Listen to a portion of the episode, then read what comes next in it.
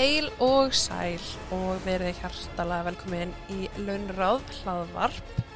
Ég heiti Þórdís og í dag ætla ég að fara yfir eitt mjög áhugavert mál.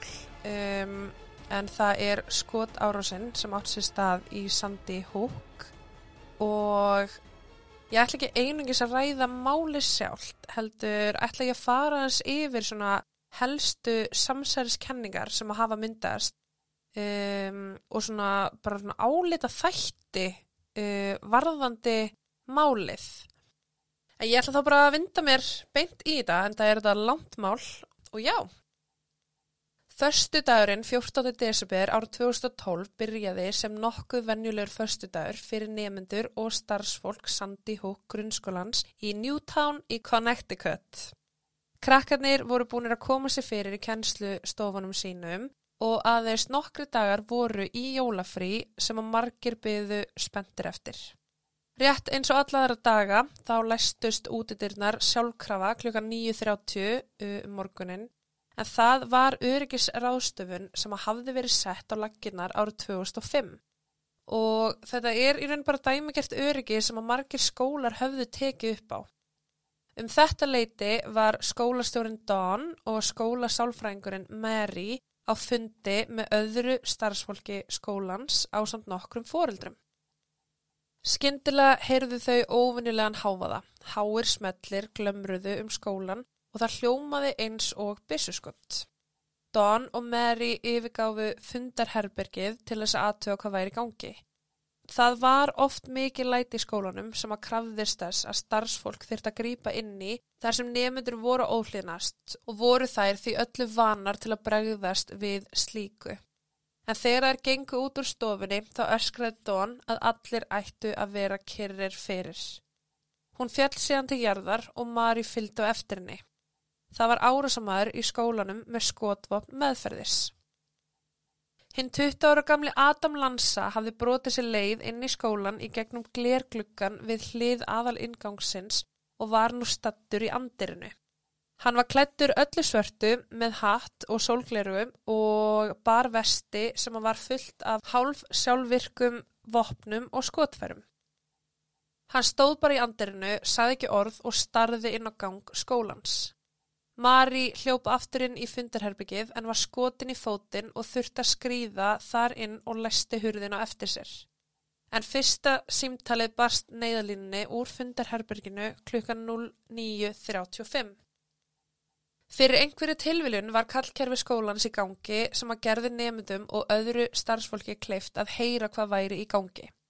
Allur skólinn heyrði skotin, öskrin af sásöka og skjelvingu og einni símtalið sem að var gert til neyðalínunars. Kennarin Abbi sem að lifði árusina af sagði að hún og bekkurinn hennar sátu þegjandi og hlustuðu á alls 154 skot glamra í gegnum hátalara kerfið. Hún man eftir því að sumir krakkanir voru mjög hysteriskir og byrjuði að hlæja vegna óta um að árusamadurinn myndi skindilega ganga inn þeirra. Starfsfólk skrifstofu skólans var í felum og heyrði fótatak Adam ganga inn og fara svo aftur út þegar hann sá engan inn á skrifstofunni. Um leið og hann var komin út úr herberginu þá byrjuði allir að ringja á neðlínuna og það voru í raun bara allir kennarar að reyna að hafa samband við lauruglu til að fá aðstóð. Þegar annar starfsmæður heyrði skotljóðið þá hljópa hann í áttina að hljóðunu til að aðtöða hvað væri gangi. Þegar hún kom nær andirinu þá sá hún skotilki og fann sér hann líktina bissupúri. Hún gekk aftur á bakk og ringdi neðlínuna á meðan að hún sendi starfsfólk og nefndur inn í kennslustofunar og let þau loka hurðinni á eftir sér. Árásamæðurinn skaut fleiri skotum á ganginum og lagði síðan leiðsina inn í nokkra kennslustofunar. Í fyrstu kennslustofunni á ganginum, sem var stofa nr. 12, var byggingapappir sem að huldi gluggan frá fyrri lokunaræfingu skólans. Þetta virtist hafa verið eina ástæðan fyrir því að Adam fór fram hjá þeirri kennslustofu og gekk nokkra metra í átta annari. Því miður var ekki hægt að læsa stofunum nema með likli utanfrá, svo kennar gátt ekki læst Adam út að gangi. Ekki vitað í hvaða kennslustofu hann fór fyrst í, en Adam færði sér nær stofu átta og tíu. Á þeim gangi var fyrsti bekkur staðsettur, gluggarnir voru ekki huldir eins og í stofu 12 og Adam gati séð að það var fólk inn í stofinni ánu þess að þurfa að opna hurðina og þar sem að engi gæt læst hurðinni þá gæti hann gengið inn án vandræða. Í kennslu stofu 12 skaut hann 24 ára Victoria Soto sem að var kennari Becksins, 52 ára aðstofurkennaran Ann-Marie og 5 nefnendur. 11 aðri nefnendur komist undan og gáti falið sig. Í kennslu stofu 8 skaut hann 30 ára Lorin og 29 ára Rachel auk 15 nefnda. En það var aðeins einn nefnandi sem að livði árásina af í þeirri kennslustofu. Viðbröðsæðalar voru komnir á vettvang á innan við fjóru mínútum eftir fyrsta útkallið en því miður var skaðin skeður. Þegar Adam heyrði í lauruglunni koma þá vissan að þessu væri lokið. Hann snýri byssunni að sjálfur sér og skaut úrinni klukkan 9.40. Lauruglumenn fóru inn í bygginguna ekki löngu eftir síðasta kvellin og fundur hræðilan vettfang. Á innan við tíu mínútum voru 26 nefndur og starfsfólk Sandi Húk látin. Í fyrsta lagi þurfti að rýma alla bygginguna og tryggja að engin annar vopnar aðili væri til staðar.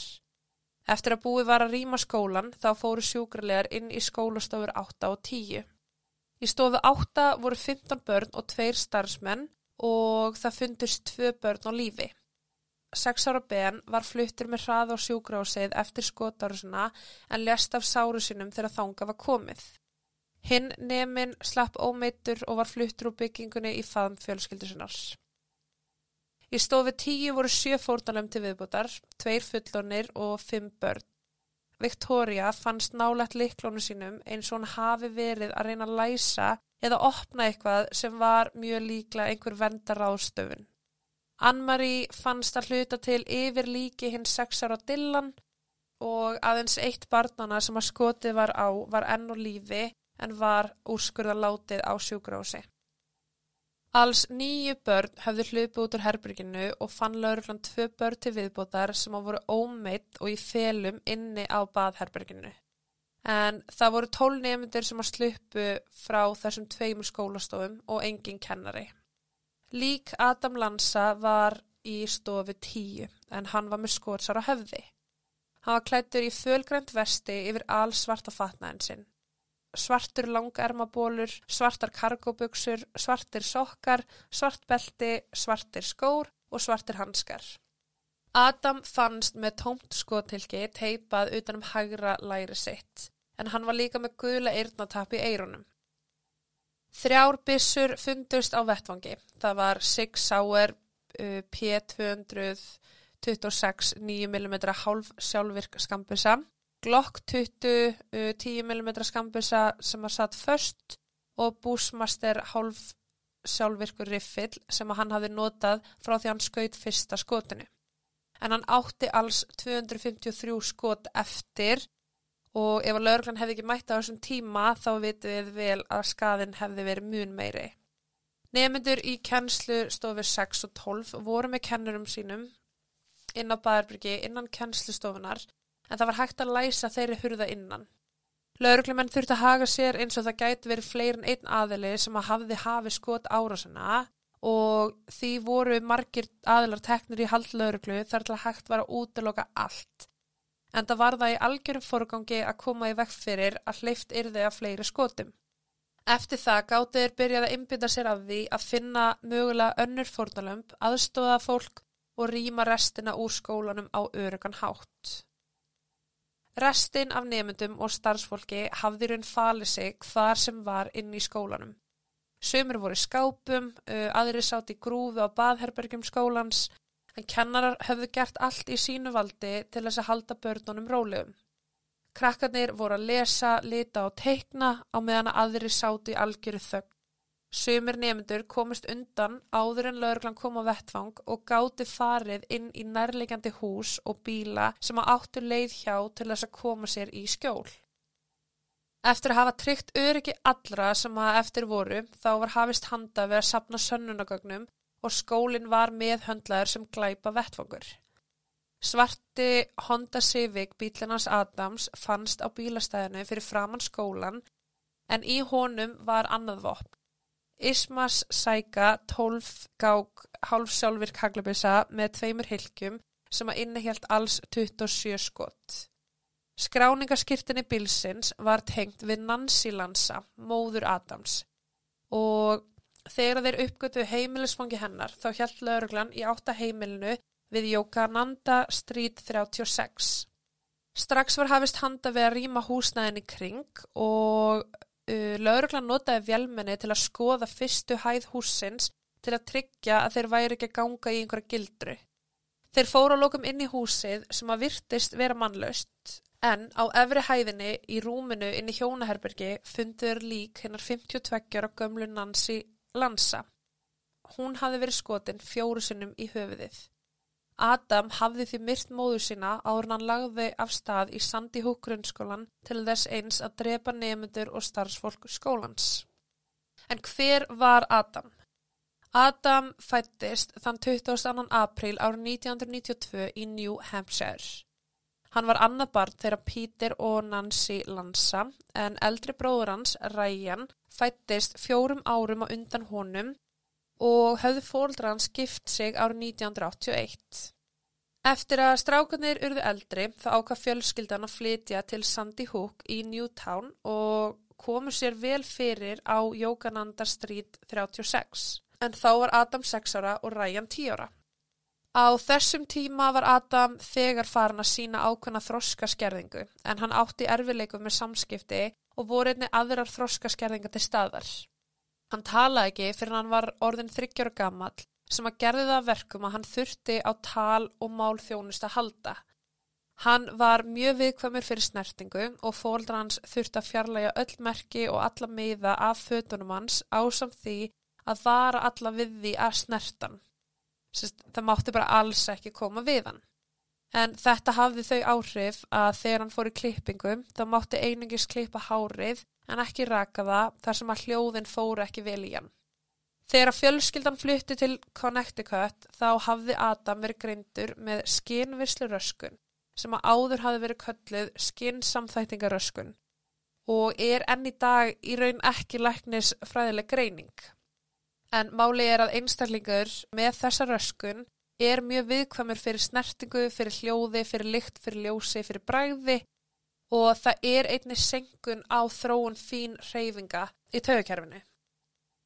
Þar sem ekki til staðar neyn læknis fræðileg sjúkdómsgreining að þá er skinnjunaröskun eða SPD greind eða auðkend af yðjúþjálfum þegar sjúkdómurinn er farin að hafa veruleg neikvæð áhrif á daglegt líf einstaklingsins. Sumir læknar líti á það sem enginni einhverfu í samflóti með ADHD, OCD eða kvíða. SPD sjúkdómsgreiningin var meira segja lögð fyrir á American Psychiatric Association en því var hafnað þar og þar sem ekki er til neinn ofinberð sjúkdómsgreining þá eru meðferðir við slíkri röskun ekki tryggð af tryggingum og því þarf að greiða alla meðferðir sem og liv úr eigin vasa sem að getur verið verulega dýrt ferli og bara eitthvað sem að fólk á ekki efni á.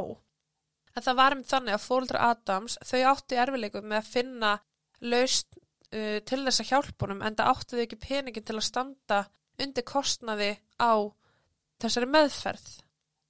Hegðun og vandamálunans stigmögnuðust með hverju árunu sem að leið. Hann fjekk reglulega reyðisköst fyrir hlutum sem að enginn skildi nema hann sjálfur. Hann myndi til dæmis finna líkta hlutum sem að aðri gerði ekki. Hann þóði hendur sínar mjög oft. Hann var með sérþarfir þegar að koma mat og áráttu hegðun þegar að koma hlutum sem við teljum vera eðlur partur af okkar degi en er það ekki og þá sérstaklega ekki fyrir einstakleika eins og Adam. Hann varð síðar græmiðsæta og að lokum vegan en það var hann mjög næmur á það sem hann borðaði og átti erfileikum með að para saman uh, það sem að var í matin. Adam gekk í Sandy Hook grunnskólan frá fyrsta til fymta bekk en það var frá 1998 til 2003. Þegar hann flutti fyrst til Connecticut þá hafðan verið mun félagslindari og fólk man eftir því að hann tók reglulega þátt í leikópum og visslum. Eftir fymtabekk þá fekk hann sérkennslu í skólanum og það var komist að þeirri niðurstöðu. Hann væri með sagt, tal uh, og tungumála skerðingu og einni voru læknar að fylgjast með honum vegna krampa sem að hann var reglulega að kljást við. Árið 2001 skildu fóldra hans og drenginir dvöldu hjá móðusinni. Í fymtabæk hafði Adam meðal annars skrifa sögu sem að fekk nafnið Grandma's Big Book en í henni var aðal personan með bissu og skauta fólk, meðal annars börn. Í sjöttabæk var hann partur af hljómsveit og tók þátt í skólatónleikum þar sem hann spilaði á saxofón. Hann stóð sig vel í skólanum og hann fekk góða ringunir. En í sjöndabæk þá varðan andfélagslegri og talaði varðla við aðra nefndur skólans og átti mjög erfitt með að eignast vini.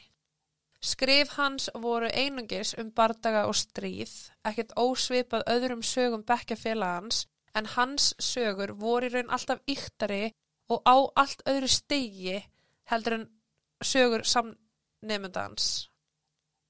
Um þetta leiti árið 2005 var Adam greindur með Asperger.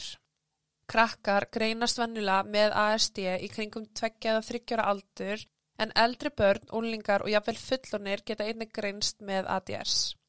Það er erfiðar að greina það þegar fólk eldist vegna þess að mörg enginnin eru svipuð kvíða, ADHD, OCD og jáfnvel öðrum geðsjúkdómum eins og geðklofa. Á þessum tíma tók Nansian úr almenningsskóla og skráðan í katholskan skóla sem að endist ekki lengi. En hún hafi gert það vegna þess að hún vildi meina að hann væri lagður í einelti. En einhverja skýslur segja frá því að það hafi bara ekkert verið raunin, en við vitum það svo sem ekki. Hann fór í mentarskóla í Newtown High og átti erfileikum með háfaða. Félagsleg færni hans var nánast engin á þessum tímupunkti og hann vildi bara ekki tala vinnit. Hann síndi raun enga ofbeldsfulla hegðun en hann var fremur reyður og hjælt sig bara mikið úta fyrir sig. Adam var með snertifælni og hann var lagður í einelti í þessum skóla. Þannig að hann fekk sér kennslu þar sem hann gætt einbit sér betur að náminu og fekk í kjölfari viðeigandi stuðning sem hann þurfti á að halda. Árið 2006 var grindavísitala Adam metinn og í ljós kom að hann var ekki með einu námsörðuleika. Hins vegar var ekki hægt að ljúka prófunu út af snertifælni hans en það krafðist þess að hann myndi setja saman nokkra kuppa annars líkt og það gæti því gefið misvísandi niðurstöðu á prófunu. Í nýjunda og tíundabæk eitti Adam mestum tíma sínum lokaður inn í svefnherbyrginu sinu að spila tölvileiki. Á þessum tíma sá móður hans uh, alfariðum að kenna honum heima fyrir. En þetta tók í raun öll tækifæri frá honum til þess að eiga samskipti við jafningja sína og hann hafði raun engan aðgang að félagslegu lífi. Á meðan hann var í herberginu sínu þá notaði hann tölvukunnáttu sína til þess að brjótast inn í ímiskerfi sem að voru ríkis rekin. Hann var sagður hafa geta komist í gegnum annað öryggisteg og þegar hann reyndi að brjótast í gegnum það þriðja þá slöknaði á tölvunni og yfirveld mættu á Jókananda Street 36. Nancy myndi segja vinu sinum að FBI hafi mætt heimtegðira þar sem að sonurinnar væri ofurgreindur og að hann hafi verið að augra sjálfu sér með því að sjá hvort hann geti brotist inn í tölvikerfi ríkisins. Hún sagði við yfirvöld að hann væri svo klár að hann gæti mögulega fengið vinnu hjá hann eitt daginn. Þrátt fyrir að vera greindur með skinn vinsluröskun, Asperger og að glíma við OCD, kvíða, sannilegt þunglindi og annað að þá neytaði Adam alfarið að taka inn livselskild liv og hann vildi heldur ekki taka þátt í hvaða meðferð sem var. Svo virðist líka vera sem að kvorki Píturni Nancy hafi leitast að geð heilbreyðis meðferð fyrir hann. Nancy var með bækur um einhverf á heimilinu og nefndi það við vini sinna að Adam gæti ekki náð auksambandi við sig. Hann var næmur fyrir ljósi og þóldi ekki snertingar. Hann var líka með þrálóta hegðun þar sem að hann skiptum född oft á dag og klættist í raun sérsauðum einkennisbúningi sem var annarkvort gerður blári skirt og buksum eða grænni skirt og buksum og hann klættist í sama aftur og aftur og aftur. Nancy sá um allar þarfir og óskir Adams. Hún þóði þvottin hans, hún eldaði matin hans, hún borgaði fyrir tölvleikin hans og bílinn og gerði nánast hvað sem er til þess að halda honum góðum. Hún sá um húsverkin og innkaupin en henni var aldrei hleyftin í herbyggjans í raun var engum hleyftin í herbyggjans. Adam var aldrei þakklátur fyrir Nancy og í eitt skipti spurði hún hann hvort hann erði leiður ef eitthvað kæmi fyrir hana uh, sem að hann svaraði neitandi. Skilnaður Nancy og Peter fóru gegn árið 2009 og um þetta leiti missir Adam öll tök á lífinu. Hann hætti að mæti í skólan og bara hjælt sér heima fyrir. Hann hafði aldrei neitt áhuga á samfélagsmiðlum, uh, hann átti farsíma sem hann notaði ekki, þannig að það var í raun ekkert hægt að ná í hann. Uh, hann var með netfang hins vegar og það var bara í raun eina leiðin til að hafa einhver samskipti við hann. Öll vopnin sem noti voru í skot árásinni voru löglega skráð á Nancy, en hún elskaði sjálf að skjóta. Hún var eitthvað með ásögnaræði en nákvæmni segði rannsakatum að þegar hún hjælt matabóð heima á sér þá hafði hún sett bóð í postkassa nákvæmna síns. Nancy svaraði aldrei þessu bóði og þegar hún var spurð út í það þá sagði hún að hún svaraði ekki brefum e, þar sem að hún var handvis um að það væri mildusbrandur í þeim. Þannig að hún held í raun bara að það væri verið að eitra fyrir sér. Þrátt fyrir það þá var Nancy mun félagslindari heldur en sonrunnar. Hún elskaði að þerðast og oft á tíðum skildi hún Adam eftir einan heima í langan tíma til að stuðla að sjálfstæði hans. Hún eldaði þá fyrir hann matar hún fór og ef að maturinn kláraðist að þá bjóð hann bara til eitthvað handa sjálfu sér. Hann var ekki alveg bjargar laus. Adam hafði mikinn áhuga á fjöldaskot árásum og raðmorðingum. Að Í tölfunans var hann með samasapn af upplýsingum um slíkar árásir og um morðingja. En áhugi hans á skotvopnum náði hámarki ekki lungu eftir að eldri bróður hans fór í háskóla og Adam íhóði stuttastund að fara í herin. Adam átti nokkuð veginn allt sem hann gæti nokkuð tíman óska sér og ef það var eitthvað sem hann vantaði að þá var Nancy ekki lengi að stökka til og kaupa það handunum.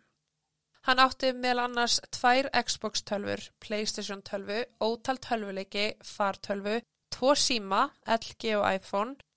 Hann átti bissur, hann átti bíl, bortölfu, harðadiska, uh, faxtæki og fleira.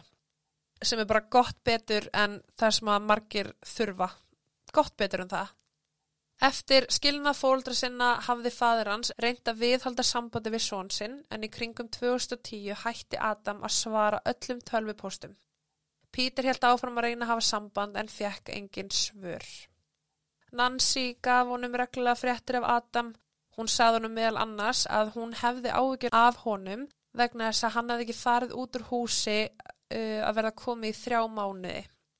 Hann var búin að einangra sig svo mikið og talaði einangis við móðu sína í gegnum tölvupost. Móðu sína sem að bjó í sama hús og hann. Áður en hann byrjaði að einangra sig mikið þá yfirgaf hann húsið að minnstakostum helgar þegar hann fór í kvikmyndahús um, þar sem að þeir voru með Dance Revolution leik á stærð við spilakassa.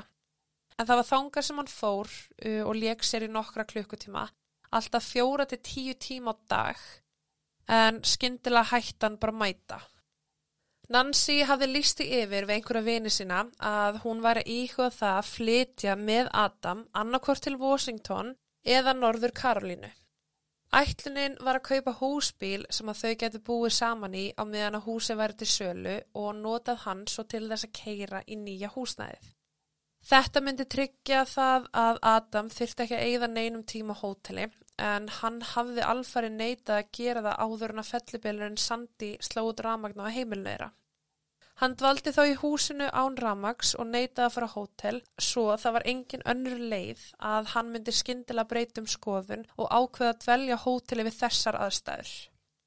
Nancy hafði sagt vinkonu sinni að þegar hún deildi þessum hugmyndur sínum með Adam þá hafði hann valið Washington. Hún ætlaði að koma hann í sérstakann skóla þar og það virtist ekki sem að hann væri uppnámi með það að vera að fara að flytja. En Adam hafði vanalega mjög sterkar skoðanir og mjög sterkar tilfinningar. Hann til dæmis hataði jólinn, hann hataði all ammali og alla aðra hátíðsdaga. En Nancy mátti til dæmis ekki skreita fyrir jólinn eða setja upp jólatrið eða neitt sem að tengdist einhverjum hátíðar höldum. Þegar fólk var að vinna í kringum húsið þá mátti það fólk ekki koma inn. Vinnumenn máttu einingist tala við Nancy fyrir utan húsið og það var stránglega bannað að ringja dýrabjöldinni. Ef þeir ætla að nota rafmagnið þá þyrftu þeir að gefa Adam fyrirvara því hann höndlaði háfaðan ekki vel. Nancy átti nokkra vini sem hún hafði þekkt í mörg ár en þeir höfðu aldrei komið heim til þeirra. Nancy hafði einni hafnað bónorði frá manni sem hún hafði verið með því það gæti krafist þess að hún myndi þurfa að flytja og yfirgefa Adam og hún var handvið sem að hann gæti ekki séð fyrir sjálfu sér. Áallun Adam um fjöldamorðið var algjörlega gerð í leini. En þrátt fyrir að fólk hafi haft einhverja vangaveltur um að hann hafi ekki verið einn að verki, þá komst lauruglan í raun að því að hann var einn. Vikuna fyrir 14. desember var Adam einn heima en Nancy hafði farið úr bænum til New Hampshire og skilaðan eftir. Þann 13. desember var skráð neyður í GPS-tæki ferð frá heimilinu hans að Sandy Hook skólanum og aftur tilbaka. En það gefið til kynna að hann hafi farið ángað og snúið við. En ferðin hóst klukkan 14.09 og laug klukkan 14.32. En þann sama dag kom Nancy heim eða klukkan 22 um kvöldi og þetta var daginn áður en árusin átt sér stað. Morgunin eftir uh, klukkan 8 eða 9 morgun tilkynntur nákvæmnar að þeir hafi heyrt skotljóð. Flestir gerður ráð fyrir því að þetta væri bara hinnir hefðbundu veiðimenn sem hafði komið aðeins og nálægt byggðinni. Sendibílstjóri kom við húsið millir 9.30 og 10.30 og varða skiljætti miða þar sem að enginn virtist vera heima. Hann heyrði hvorki neitt nýja sá neitt óvinnilegt og tóka eftir því að bílskúshurðin var lokuð og engir bílar voru kringum heimilið. En það er þarna um 9.30 sem að Adam er að brjóta sér leið inn í grunnskólan og um 9.40 voru 26 aðilar látnir. Lori, sjúkraflutningakona, vann á förstu dögum og þennan dag var hún kölluð á vettvang í skólanum. Hún myndist þess að í fyrstu var henni falið að sjá um kennara sem að slösust en lifðu að lókum að.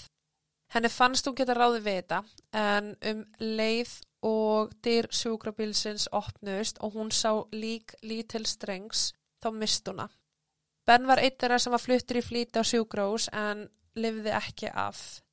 Á bráðumáttökunni mann Dr. William Beggs eftir því að þeir hafi verið varað við því að þeir væri að fá fórtanlömp frá Sandy Hook grunnskólanum en þeir var ekki tjáða hversu margir væri á leiðinni. En flest fórtanlampana komust í raun ekkit á sjúkrósið og voru í raun bara strax færið á líkúsið. Hann sagði í Newtown heimildarmyndinni að dánardómstjórin hafi sagt að hvert lík hefði orðið fyrir alltaf þremur til 11 bissu skotum. En þær fara í raun ekki út úr líkamannum, heldur fara þær inn í líkamann og springa, en ekkert 6 eða 7 ára barn getur lifa slíkt af. Eins og ég kom aðeins inn á áðan þá var sett upp öryggiskerfi árið 2005 sem að innihjalt meðal annars myndbansu upptöku vel. Hins ver, eins og í flestum skólum, að þá var ekki verið að taka upp heldur var þetta einungis live sem að gæt gert rítaranum kleift að skoða myndbansefnið í rauntíma. Það tók rannsakandur alls sjö daga að vinna úr vettvangi með þúsundir mynda og myndskiða. Allar kennslustofur á þessum aðal ingangi voru með salirni, skápum og uh, tengihurðum inn í kennslustofuna við hliðin á. Þannig að stofur 12 og 10 voru tengda saman, stofur 8 og 6 og svo 4 og 2. Allar kennslustofunar voru með stórum gluggar sem að bindist út á bílastæði og það voru nýju gött eftir skotfæri á þessum tiltana glugga. Í kjölfar árásarinnar setti lauruglan upp tvær stjórnstöðvar þar sem foreldrar og fjölskyldur gáttu farið til að vitja barn eða ástvinn. Þeir sem livðu af voru fluttir til þessara staða til að hitta fjölskyldu meðlumir sína og lókum voru aðeins þeir fjölskyldumöðlumir eftir sem að þurftu að skipulegja jarðaför á komandi dögum. Eftir að eftirlifandi fórtalömp höfðu verið flutt út, þá var komin tími til að fjarlæga lík þeirra sem að letust. Lörglan í Connecticut settu bráðabyrða líkhús á bílastæði skólans og var þeim komið fyrir þar. Þau voru flutt þangað svo hægt var að bera kennsl á þau áður en að þau eruði flutt í krypningu en lík þeirra voru kröfð þann 15. desember og staðfæðast að öll 20 börnin og þessi sex kennarar höfðu látist á sama hátt. Mandráp af völdum skotsás. Lík Adam var ekki fjarlægt úr skólanum fyrir 15. desember og hann var einnig kröfin þá. Hann var aðeins 50 kíló þingd og 186 cm á hæð. Dánarorsök var sjálfsvík með byssuskoti. Tæknum en lauruglunar fundi 312 tóm skotilki um allan skólan. Þrýr bílar á bílastæðinu höfðu orði fyrir skoti úr kennslustofu 10. Þann sama dag og verið var að rannsaka vettvangin í Sandy Hook þá var lauruglan einni inn á heimili lansafjölskyldunars. Í hjónaherberginu hafði hinn 52 ára Nancy fundist í rúmi sínu með fjögur skótsár í höfuðið. En nálægt henni var morðvopnið Savage Mark II með 22 kalibra kúlum. Á annari hæð var einni svefnherbergi Adam og tölveherbergi. Í svefnherberginu hans voru gluggarnir þekktir svörtum ruslapoka sem að höfðu verið límdir við gluggan. Þar var harður diskur sem hafði verið skemdur viljandi og ekki hefur tekist að endurheimta neitt af honum. Í húsinu fundust fullta skotvofnum, auk fjölda sverða, hnífa, spjóta og fleira. Í herbergi Adam fannst grein frá New York Times frá 18. februar árið 2008 en svo grein fjallaði um skot árásuna sem átt sér stað í Northern Illinois háskólanum augmynda af því sem að leita út fyrir að vera lík fórnalampa, þakin blóði og vafin í plast. Hann átti líka bókina Amish Grace, How Forgiveness Transcended Tragedy um skotárusuna í Amish skólanum í oktober ára 2006 sem að banaði fimm manns. Það voru svo afriðt af bladagreinum allt frá 1891 um ýmsar skotárásir sem að beindust gegn börnum. Í tölfunans fundust tvö myndbönd af sjálfsvígi með byssuskoti, kvikmyndir um fjöldaskot árásir, tölvuleikur sem að kallaðist School Shooting sem að var fyrstu personu sjónarhort frá árásamanni sem að hóf skotarás í skóla. Það voru myndir af Adam með riffil uh, sem að miðað var í áttinað höfðunans Það var 5 sekundar myndband af krökkum í byssuleik og það voru myndir af honum í fullum gýr með byssunar sínar og skotverðin. En það voru líka skjáskot frá Adam að spila Dance Revolution heima hjá sér og myndir af hömstrum og legoverkum og alls konar öðru sem að maður myndi telja vera eðlilegra að væru uh, heima hjá uh, fólki á hans aldri. Í tölfunans fannst henni skjál um fjöldamorðingja og raðmorðingja sem að var í raun forsendur fjöldamorða og efni um barnaninga og talsmenn fyrir réttindum barnaninga. En það var samt ekkert barnaklám til staðar. Jafnvel þó að þetta hafi verið önnur mannskæðasta fjöldaskot árásinn í bandaríunum á eftir Virginia Tech voru samsæðiskenningarsmiðir nánast strax komnir á yfirborðið með skoðanir sínars. Talið var að ríkistjórnin hafi komið á fót Sandy Hook skot árásunni og í rauninni var þetta allt leikarar sem að sáum að gera besta sjónvarsefni allra tíma til þess að breyta löggefinni um skotvopn. Þann 14. desember hlaupi mamma og pappi Nóa í skólan og byði í marga tíma áður en að þau komst af því að sex ára tvíburarnir þeirra höfðu hlotið mismunandi örlög þennan dag. Ariel, sýstir Nóa, lifði að en Nóa litli hafði fundist látin á gólfinu í kennslustofinu sinni. Það voru ekki leginni tveir dagar uh, þegar fjölskyldur fórnarlampana byrju að fá símtöl. Um klukka nýju þann 16. desember fjakk ein fjölskyldan símtal þar sem að viðmaldin sagði ég ætla að drepa þig. Aðri fengu einni símtöl á borfið ég er Adam Lansa og ég mun drepa þig. Símtalsrakning leiti ljós að flest þessara símtala komu allt frá sama símanúmurinu. Ekki einu sinni viku eftir að harmleikurinn átt sér stað þá sást maður ganga um Newtown þar sem hann sagði frá því að fjöldamorðið hafi verið sviðsett af einhvers konar elitum New World Order sem að ætlaður voru til þess að taka bissur og frelsi af almenningi. Viku síðar var prófessor við Florida Atlantic Háskólan, James Tracy, sem byrti 30 mínúta myndband á YouTube sem að hann kallaði The Sandy Hook Shooting Fully Exposed. En það er um 10 miljónir manns sem að hafa séð það myndband. Í myndbandinu spurðan meðal annars hvort það væri ekki erfitt að skjóta börn þar sem að þau væri á stanslösu yði og ef hann hefði gengið þarna inn vopnar bissum þá myndi flest börn reyna hlaupi burtu og hann hefði ekki geta skotið svona marga. Margir ringdu í embætti ríkislauglustjóra og kröfðust svara við spurningum eins og hvers vegna það hefði engar þyrlur verið sendra vettfang og hvers vegna engin áfallahjálp stóð til bóða. Maður mætti frá Virginíu til þess eins að stela skiltum að leikvelli þar sem verið var að minnast tvekja fórnalampana og í kjölfæri ringdi maðurinn í fjölskyldu þeirra og sagði þeim að þau ætti ekki að veri svona miklu uppnámi ofinberlega þar sem að börnin hefðu aldrei verið til til að byrja með. Pappi Nóa sem að ég talaði um aðeins áðan var að skrá sig inn á hótel í annari borg og þegar afgriðslu maðurinn sá heimilisfangi hans á aukurskirtininu þá sagðan Ah, Sandy Hook, ríkistjórnin gerði þetta. Pappans reynda hundseta en það var ekki svo auðvelt. Hann sagði að samsæðiskenningarsmiðir væru að eigðalega heiminn og að barnið hans sem að let lífið væri raunveruleg manneska. Hjónin höfðu flutt til Connecticut árið 2005 en eftir atbyrðin þá gátið ekki verið að það lengur.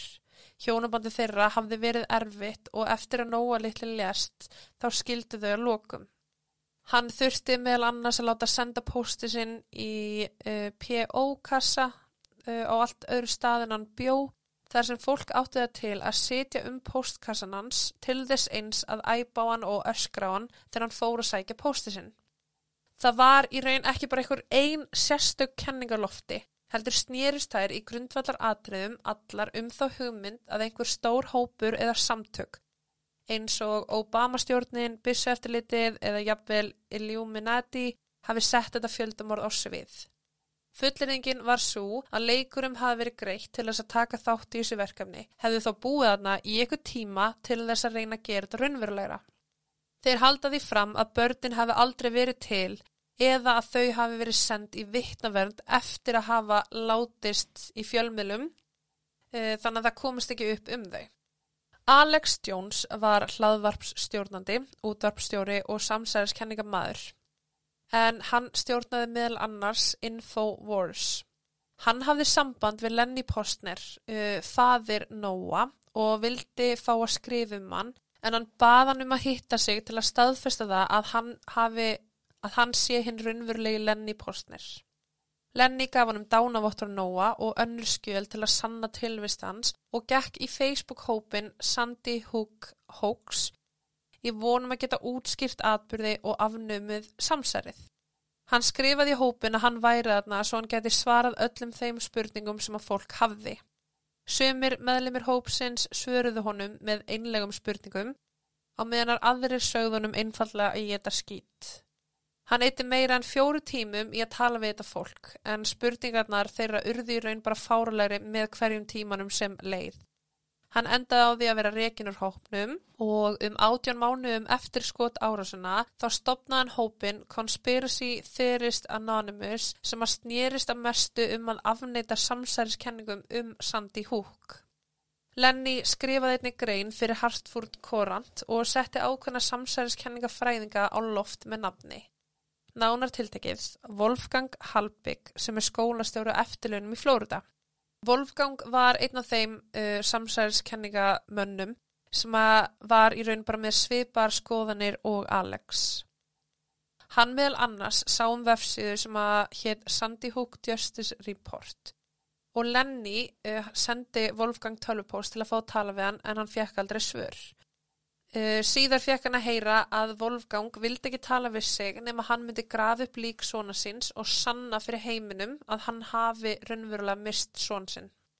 Í janúar árið 2021 laði þinkona frá Georgi einni til kynna að Sandy Hook væri bara gapp og þannig spilast þetta svona svolítið áfram og það eru fleiri og fleiri og fleiri sem að taka þátt í því að reyna að koma því á framfæri að Sandy Hook hafa aldrei átt sér stað.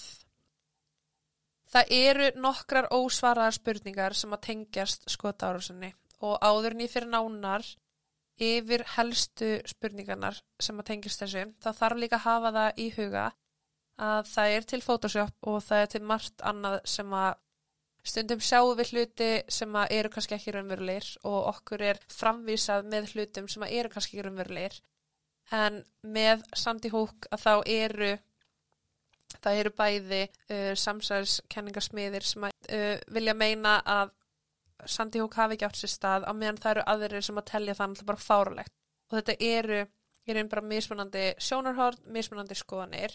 Og ég vil benda á að ég er algjörlega hlutlaus þegar kemur að þessu og ætla að fara yfir þessar kenningar mjög hlutlaust. En það hafa sérst tvær heimildamindir verið gefnar út uh, sem að fjalla um þetta og einu þeirra heitir We Need to Talk About Sandy Hook frá árunni 2014 og svo er önnur sem heitir Unraveling Sandy Hook in 2, 3, 4 and 5 Dimensions. Þessa myndir eru aðgengilegar einhverstaðar. We Need to Talk About Sandy Hook er, hún hefur oft verið byrt og tekið niður og byrt og tekið niður og ég veit að það er einhverstaðar hægt að horfa á hana en maður kafar mjög djúft.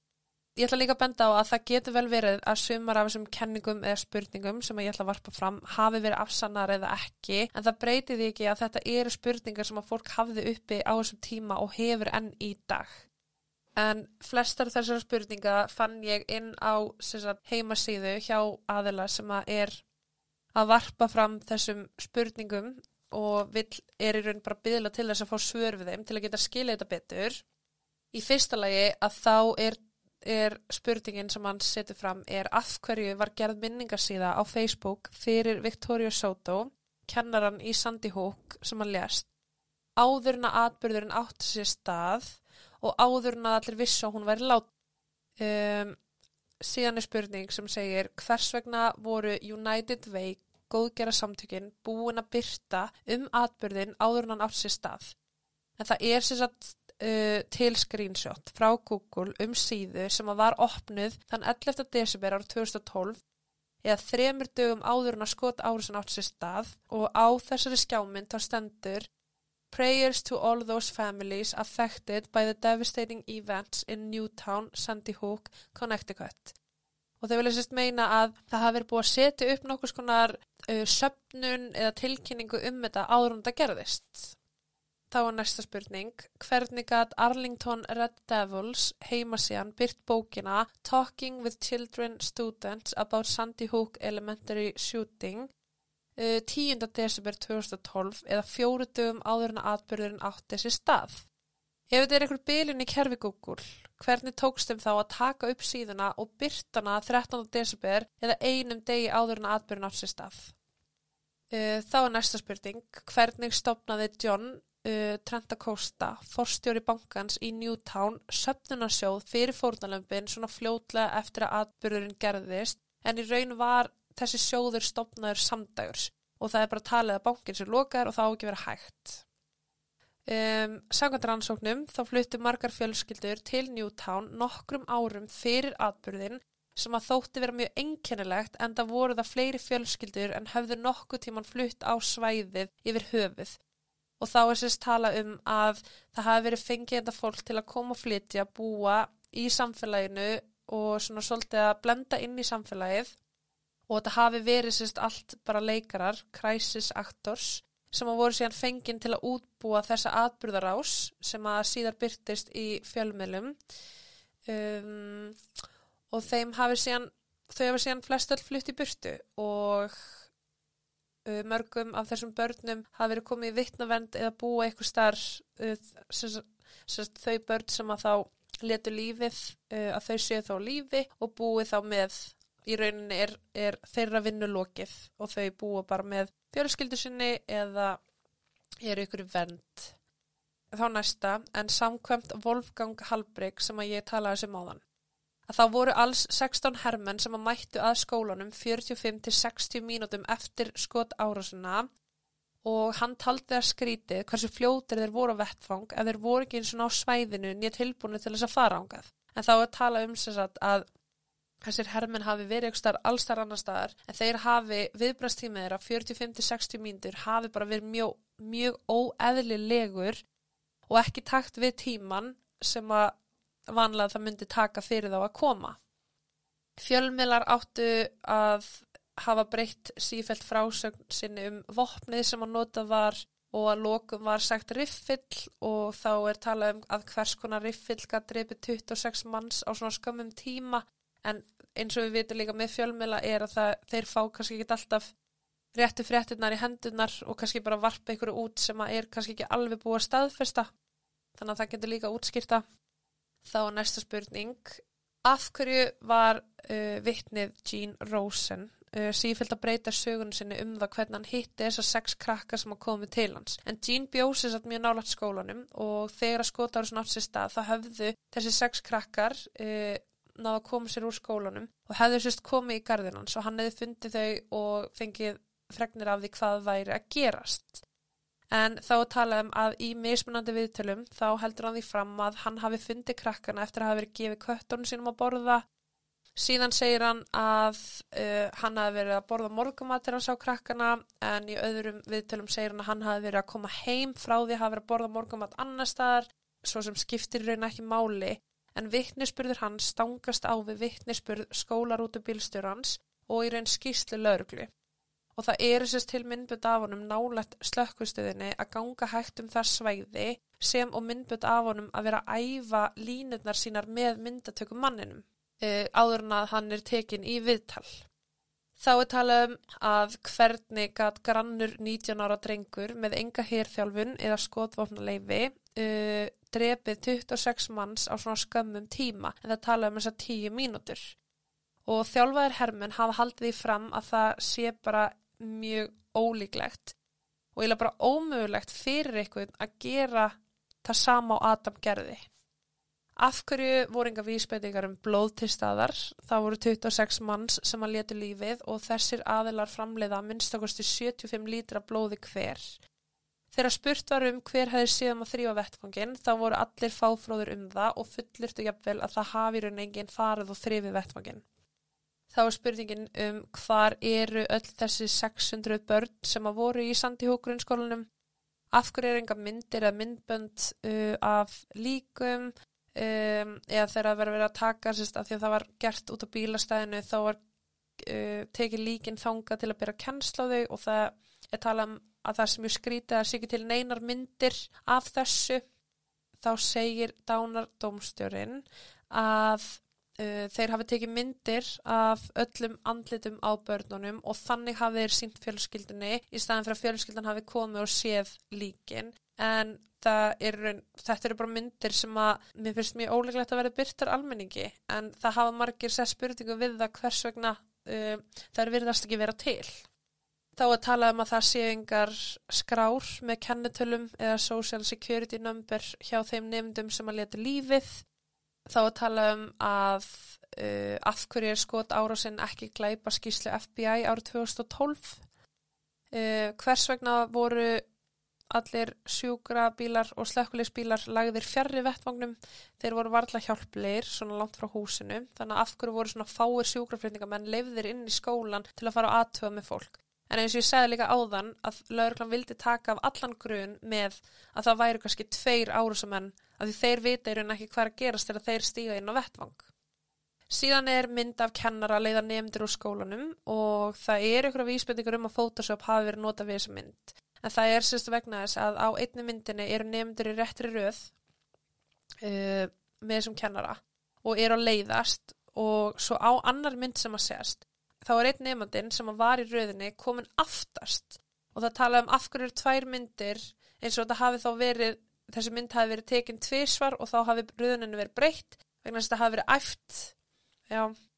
Um, þá að tala um að hvers vegna passar tímalínan ekki þegar verið er að flytja börnin úr skólanum við myndbarsuptökur sem að teknar voru lauruglubíl sem að staðsettur var við bílastæði Sandi Húk Síðan er spurning um hvers vegna var sett upp stórt skildi við ingangin aðar Sandi Húk sem ástóð Everyone must check in ef að atvikið var raunverulegt og þetta var ekki æfing. Næsta, eh, sko, þetta er alveg, þetta er alveg slatti, slatti, slatti hérna um, og þetta eru svona bara helstu spurningar sem að samsæðiskenningamenn hafa sett fram og vilja fá svör við til þess að þetta geta um, fundið út, þú veist, og kannski komist að betri niðurstöðu um hvað gerðist. Næsta er Mm, hverjar eru líkandur á því að það hafi verið skotæfing í gangi á svipum stað á sama tíma og þetta gerðist um, en það átti sérst það var ástæðan fyrir þess að hermen hafi verið aðna í nálegð er að það hafi verið einhver æfing í gangi og þess að hafi komið, geta komið fyrr þá er spurt hvers vegna gengur fólk um á slökkvöliðstöðinni eins og þau séu á tökusetti en ekki að býða eftir fregnum af mögulega látnum börnuðira. En það var sagt sett upp uh, stöð fyrir fólk til að fara á og býða fregna af börnunum sínum á slökkvöliðstöðinni og og semur vilja meina að sérst, upptökur frá því líti frekar út eins og fólk sé að æfa línundar sínar og það sé svona svolítið, sé bara þarna frekar að það sé ávikið en við, þú veist, við getum í raun ekkert, við getum ekkert sagt, við getum ekki sett okkur í þessi spór. Þá er talað um að það hafi verið uh, mikill skortur og aðstóð frá lauruglunni.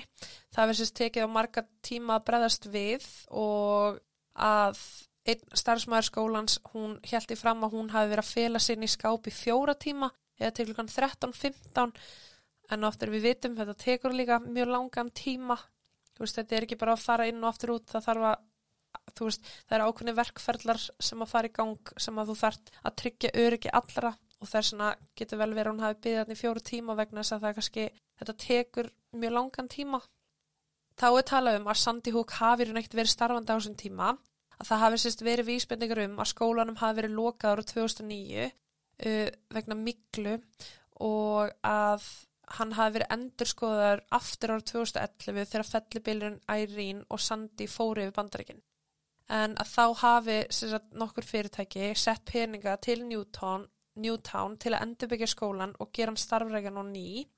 En þá er í raun verið að segja að, að Sandíuk hafi verið lokað á þessum tíma og hann hafi ekkert verið í gangi og þess að hafi þetta verið tilvalin staður til þess að útbúa þess að skota oss. Þá er annaftur spurt hvers vegna er einhver myndir af vettfangi. Uh, eins og í Columbine að þá eru myndir af vettfangi sem við sjáum. Og hvers vegna er ekki myndir af vettfangi í Sandy Hook? Og í flestum svona tilfellum og bara mjög mörgu tilfellum að þá e, það eru þá tekna myndir og oftar en ekki þá lekaður á netið. Og það er einhver sem að sínir einhverju sem sínir einhverjum og allt hérna erum við búin að sjá þetta allt. Og við höfum séð allan fjandana myndum sem að tengjast alls konar málum, myndum sem okkur langar að sjá en þær eru aðgengilegar á netinu einhver starf En það eru sérst engar myndir aðgengilegar af Sandy Hook og fórnalömpum eða af vettfangi. Strax eftir að Sandy Hook átt sér stað þá var farið í það að rýfa skólan niður og endurbyggjan uh, og það er talið skrítið vegna þess að uh, málmleifar frá 11. september árusinni voru sendar til Kína til að fara sérst í rannsók og þá er spurt af hverju voru þeir svona fljótir að rýfa skólan niður, af hverju var ekki verið aðeins að rannsaka og skoða og eitthvað. Bæjastjórin og ríkisaksónarinn í Newtown neitaði að gefa dánavottor og nefnd fórtalampana og sama tíma var samþýtt frumvarp sem að bannar aðgang að dánavottorum og öðrum upplýsingum sem að uh, hafa alltíð verið talin verið óbyrgögg og það hefur verið sér spurningamerki við þetta af hverju. Þá er talað um uh, til dæmis eins og það var viðtal við einn uh, fjölskyldumöðlim Fórtalams, uh, Robbie Parker en það er sagt, eins og hann sé svona svolítið að brosa, hlæja og einhvern veginn er bara ekki líkur því að vera að upplefa eitthvað tráma. En það var sem sagt tekið viðtal við fóreldra nefnda sem hafði mist barnið sitt og í einu þessu viðtali að þá er sem sagt búið að kveikja á myndbarsu upptökunni fyrr heldur en viðtali byrjar. Hann er þarna og hann er svona, þú veist, að hlæja, lalala, eitthvað svona spjalla, þú veist, er bara eins og hann sé eitthvað öðru umhverfi en maður myndi halda hann væri í. Og svo byrja viðtalið og þá einhvern veginn svona breytist bara andlita hans og nú er hann allt í norri leiður. Og fólk hefur verið að setja spurningamerki við þetta eins og þetta hafi þá bara verið leikið viðtal. Hann hafi sérst bara ekki vitað að það væri búið að kveikja myndbarsuptökunni eða vélinni. Og svo er hann bara komin í komin í eitthvað hlutverk og þá allt í hennu er hann leiður að segja frá látna barninu sinu.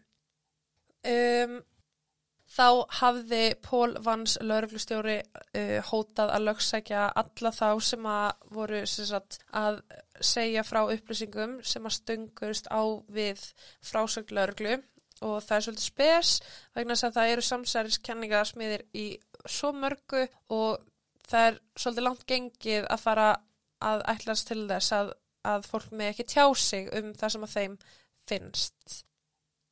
það var enginn sem að kerði skólan í kjölfæra þessu, það var enginn sem að kerði sagt, uh, bú Nancy uh, fyrir þetta sem að fólki fannst mjög skrítið og síðan var það svo að allar jarðafarir voru framkvæmdar með lokaðri kistu og það er eitthvað sem að fólki fannst mjög skrítið. Um, það er kannski ekkert skrítið í sjálfu sér vegna þess að umver að ræða barn sem að fær skottsár, við vitum ekki alveg nákvæmlega hvar skottsárið er og svo er það kannski líka bara út af því að, að fólk uh, vil kannski ekki að það sé verið að taka myndir og sé verið að byrta en það var eitt af því sem var talið vera mjög skrítið. Það var sagt, mynd af kennara sem að let lífið í Sandy Hook og síðar þegar Boston Marathon Bombing átt sér stað þá var sagt, byrt sama myndin af sama kennara uh, sem að hátti þá að hafa verið fórtalamb þar líka. Um, sko, við getum alveg gert ráð fyrir því að það að mistök eiga sér stað en og þetta hafi kannski bara ekkert verið rétt eða þá þetta hafi bara einfallega verið gert af ykkur samsælskenningamanni en það er sérst talað um að það er mjög undalegt að kennari sem let lífið í Sandy Hook sé á lífi og hafi sérst aftur látið lífið í Boston Bombing Marathon. Ég er alveg sammálaði það er skrítið en það getur vel verið að sé bara einhverja ástæður fyrir því að þetta hafi, þetta var bara óvart. Að þeir hafa kannski bara byrt vilsa mynd eða verið með vilsar upplýsingar Það voru 20 nefndur og 6 kennarar uh, sem að letu lífið á innan við tímindum, 6 og 7 ára börn í fyrsta bekk og kennara þeirra sem að reynda eftir fremsta megna eigða síðustu augnablikum lífsins í að venda börnin í umsjöðara. Þau voru eftirfærandi og ég ætla bara að lesa upp nöfna þeirra. Það er Charlotte, það er Daniel, Olivia, Josephine, Anna, Dylan, Madeline, Catherine, Chase, Jesse, James, Grace, Emily, Jack, Noah, Caroline, Jessica, Benjamin, Aviel, Allison, Dawn, Mary, Victoria, Lauren, Rachel og Ann-Marie. En fjölskyldur fórnalampana hafa fundið mismunandi leiðir til þess að takast á við sorgina. Árið 2015 saminuðust einhverju þeirra um að höfða mál gegn Remington en það var fyrirtæki sem að seldi Bushmaster AR-15 rifla. Þau heldur því fram að fyrirtækið hefði aldrei átt að selja svona hættuleg vott til almennra borgara. Newtown Action Alliance var stopnað eftir atbyrjun til þess að koma í vekk fyrir skotar og segir Í oktober ára 2013 var Sandy Hook grunnskólinn rifin niður og annar skóli var byggður á lofinni. Árið 2014 uh, gaf Connecticut Office of the Child Advocate stopnun sem að rannsakar dauða barna í Connecticut út skýslu sem að grindi e, frá andleri baráttu Adam og taldi að ef hann hefði fengið viðjandi aðstóð þá hefði þetta ekki komið fyrir. Í skýslunni kom einni fram að ekki var þetta svara spurningunni um hvers vegna hann gerði þetta. Hiðið sama kom fram í skýslu ríkis sagsóknara. Þá hafði FBI einni reynd að svara þessari spurningu en það var bara ómögulegt. Sönnunagögnin síndi fram á að Adam hafi skipulagt þetta í ykkur tíma og einni reyndan að svifta sér lífi eftir atbyrðin en það er enga vísbyrningar um hvers vegna hann gerði þetta nýja hvers vegna hann valdi Sandy Hook sem árus á stað. Í skýslunni kemur fram að Adam átti við verulegið heilbreyðsvandamál að stríða sem að höfðu áhrif á getans til þess að lifa eðlilegu lífi og að eiga í samskipti við annað fólk en það var hann ekki fánina aðstóð. Hann var ófærum að stjórna gjörður sinum og vildi raun ekkert hjálp við að sigrast á sjúkdómnum en á sama tíma hafði fagaðilar ekki tekið eftir neinu í farans sem að bendi til þess hann gæti verið ofbeldis fullur. Það var ekkert sem að bendi til þess að Adam hafði orðið fyrir áfalli æsku. Ef hann var lagður einelti í skólanum þá var það ekki eitthvað sem að var talið tengjast árásinni. Hins vegar gæti uh, hann tólka smávægilegt einelt á annan hátt en aðrir. Fadir Adams, hann, hef, hann hefur sagt að hann sem er mikla sektakent yfir því sem að sónu sinn gerði og gekk svo langt að segja að hann vildi að sónur uh, sinn hefði aldrei fæðist.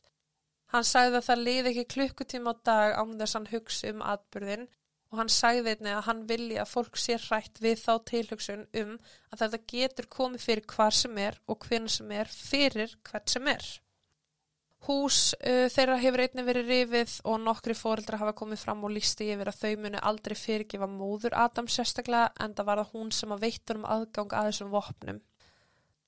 Það eru, það eru svona nokkra kenningar sem að hafa komið upp um, og sem að eru raun bara þessar helstu samsæðiskenningar sem að tengja, tengjast í raun við spurningarna sem ég talaði um. En fyrsta kenningin sem hefur komið upp er að það sé annar árisamæður sem að var með Adam. Frettamillar höfðu flóið þyrlu yfir svæðið og tekið upp það sem að gerðist eftir að skotarusin átt sér stað. En þessar upptökur sína eitthvað hlaupa inn í skógin á baku skólan og síðan hleypu lögluna eftir honum og handtekur hann. Uh, Vittni kom fram og sagðist að það var heyrt hennan aðila sem handtekinn var, uh, segja ég gerði þetta ekki, þegar hann var leitturinn í lauruglubíl af lauruglu. En þá hafði, uh, þá hafði fréttamilar greint frá því að mögulega væri annar maður í haldi lauruglu og að svart teimi væri að rannsaka heimilans. Lauruglustjórin sagði fréttamönnum að það væri aðeins eitt grunar aðali og það væri ekki að gefa upp neinar upplýsingar um hann að svo stöttu. En það telja þá margir að það hafi raun verið tveir aðilar verki. Þá er talað um uh, kenninguna með fadirinn sem er að hlæja og fer síðan að gráta í viðtalinu sem að þýðir í rauninni ekki neitt, þú veist, við getum í rauninni ekki sett okkur í spór, þú veist, þú ert kannski búin að missa badnið og þú veist ekki alveg hvernig átt að haga þér og ert, þetta er kannski smá svona kópmekkani sem þú ert líka stressaður, þú ert að fara í viðtal og þú veist, við getum ekki, getum einhvern veginn ekki einblít einungis á það að þetta hafi allt verið plat vegna þess að hvernig viðtalið hans var. Þú veist það er svo margt meira sem að spilar inn í. Þá er talað um Emily Parker sem að var eina fórnalömbunum sem hann lést. Og það er sérst tala um eina af þessu kenningum er það að hún sé ekki látin vegna þess að hún átti að hafa sérst á mynd með Obama eftir Sandy Hook. Og þessi myndi til og um, þá er talað um bara að sko eins og ég segi það er til Photoshop og það er til alls konar uh, dæmi.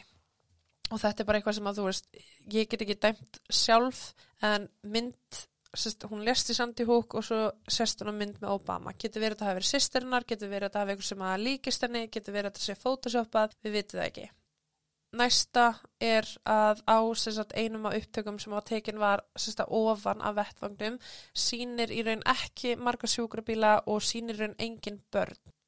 Og þá talaðum að sagt, einn af þessu sjúkrabílum hafi í raun verið allir tíman og þetta var, þeir vilja meina að þetta hafi verið skrítið að það séu margar myndir af sjúkrabílum en að það séu engar myndir af þeirra að vera að leiða börnin út þeirra að vera að gera þetta myndbönda upptökur af því. En það er náttúrulega þessi mynd sem ég talaði um áðan með þeirra uh, börnin voru ganga út og svo allt íni var sá sem var fremstur komin aftast eins og myndin hafi verið tekinn aftur. Um, þá er einmitt líka að tala um varandi það sem að koma upp á Google og sem átti að hafa komið fram áður en að skota þessu nátt sér stað. En þá tala um þennan tímastempil á þessari vefsíðu. Um, að leita niðurstöður Google endur spekla ekki alltaf nákvæmu, nákvæma tímasetningu þegar efnið er byrt og það er alveg búið að gefa dæmi um þetta þar sem að ef þú googlar Sandy Hook uh, að þá eru margar greinar sem kom upp sem að virðast hafi verið byrtar áðurna skotar sem átt sér stað um, og þá tala um sko 14. janúar 2012, 19. júni 2012 og 16. september 2012 sem er löngu áðurna skotar sem átt sér stað og það getur bara verið eitthvað dýböng í kerfinu hjá þeim sem við vitum ekki.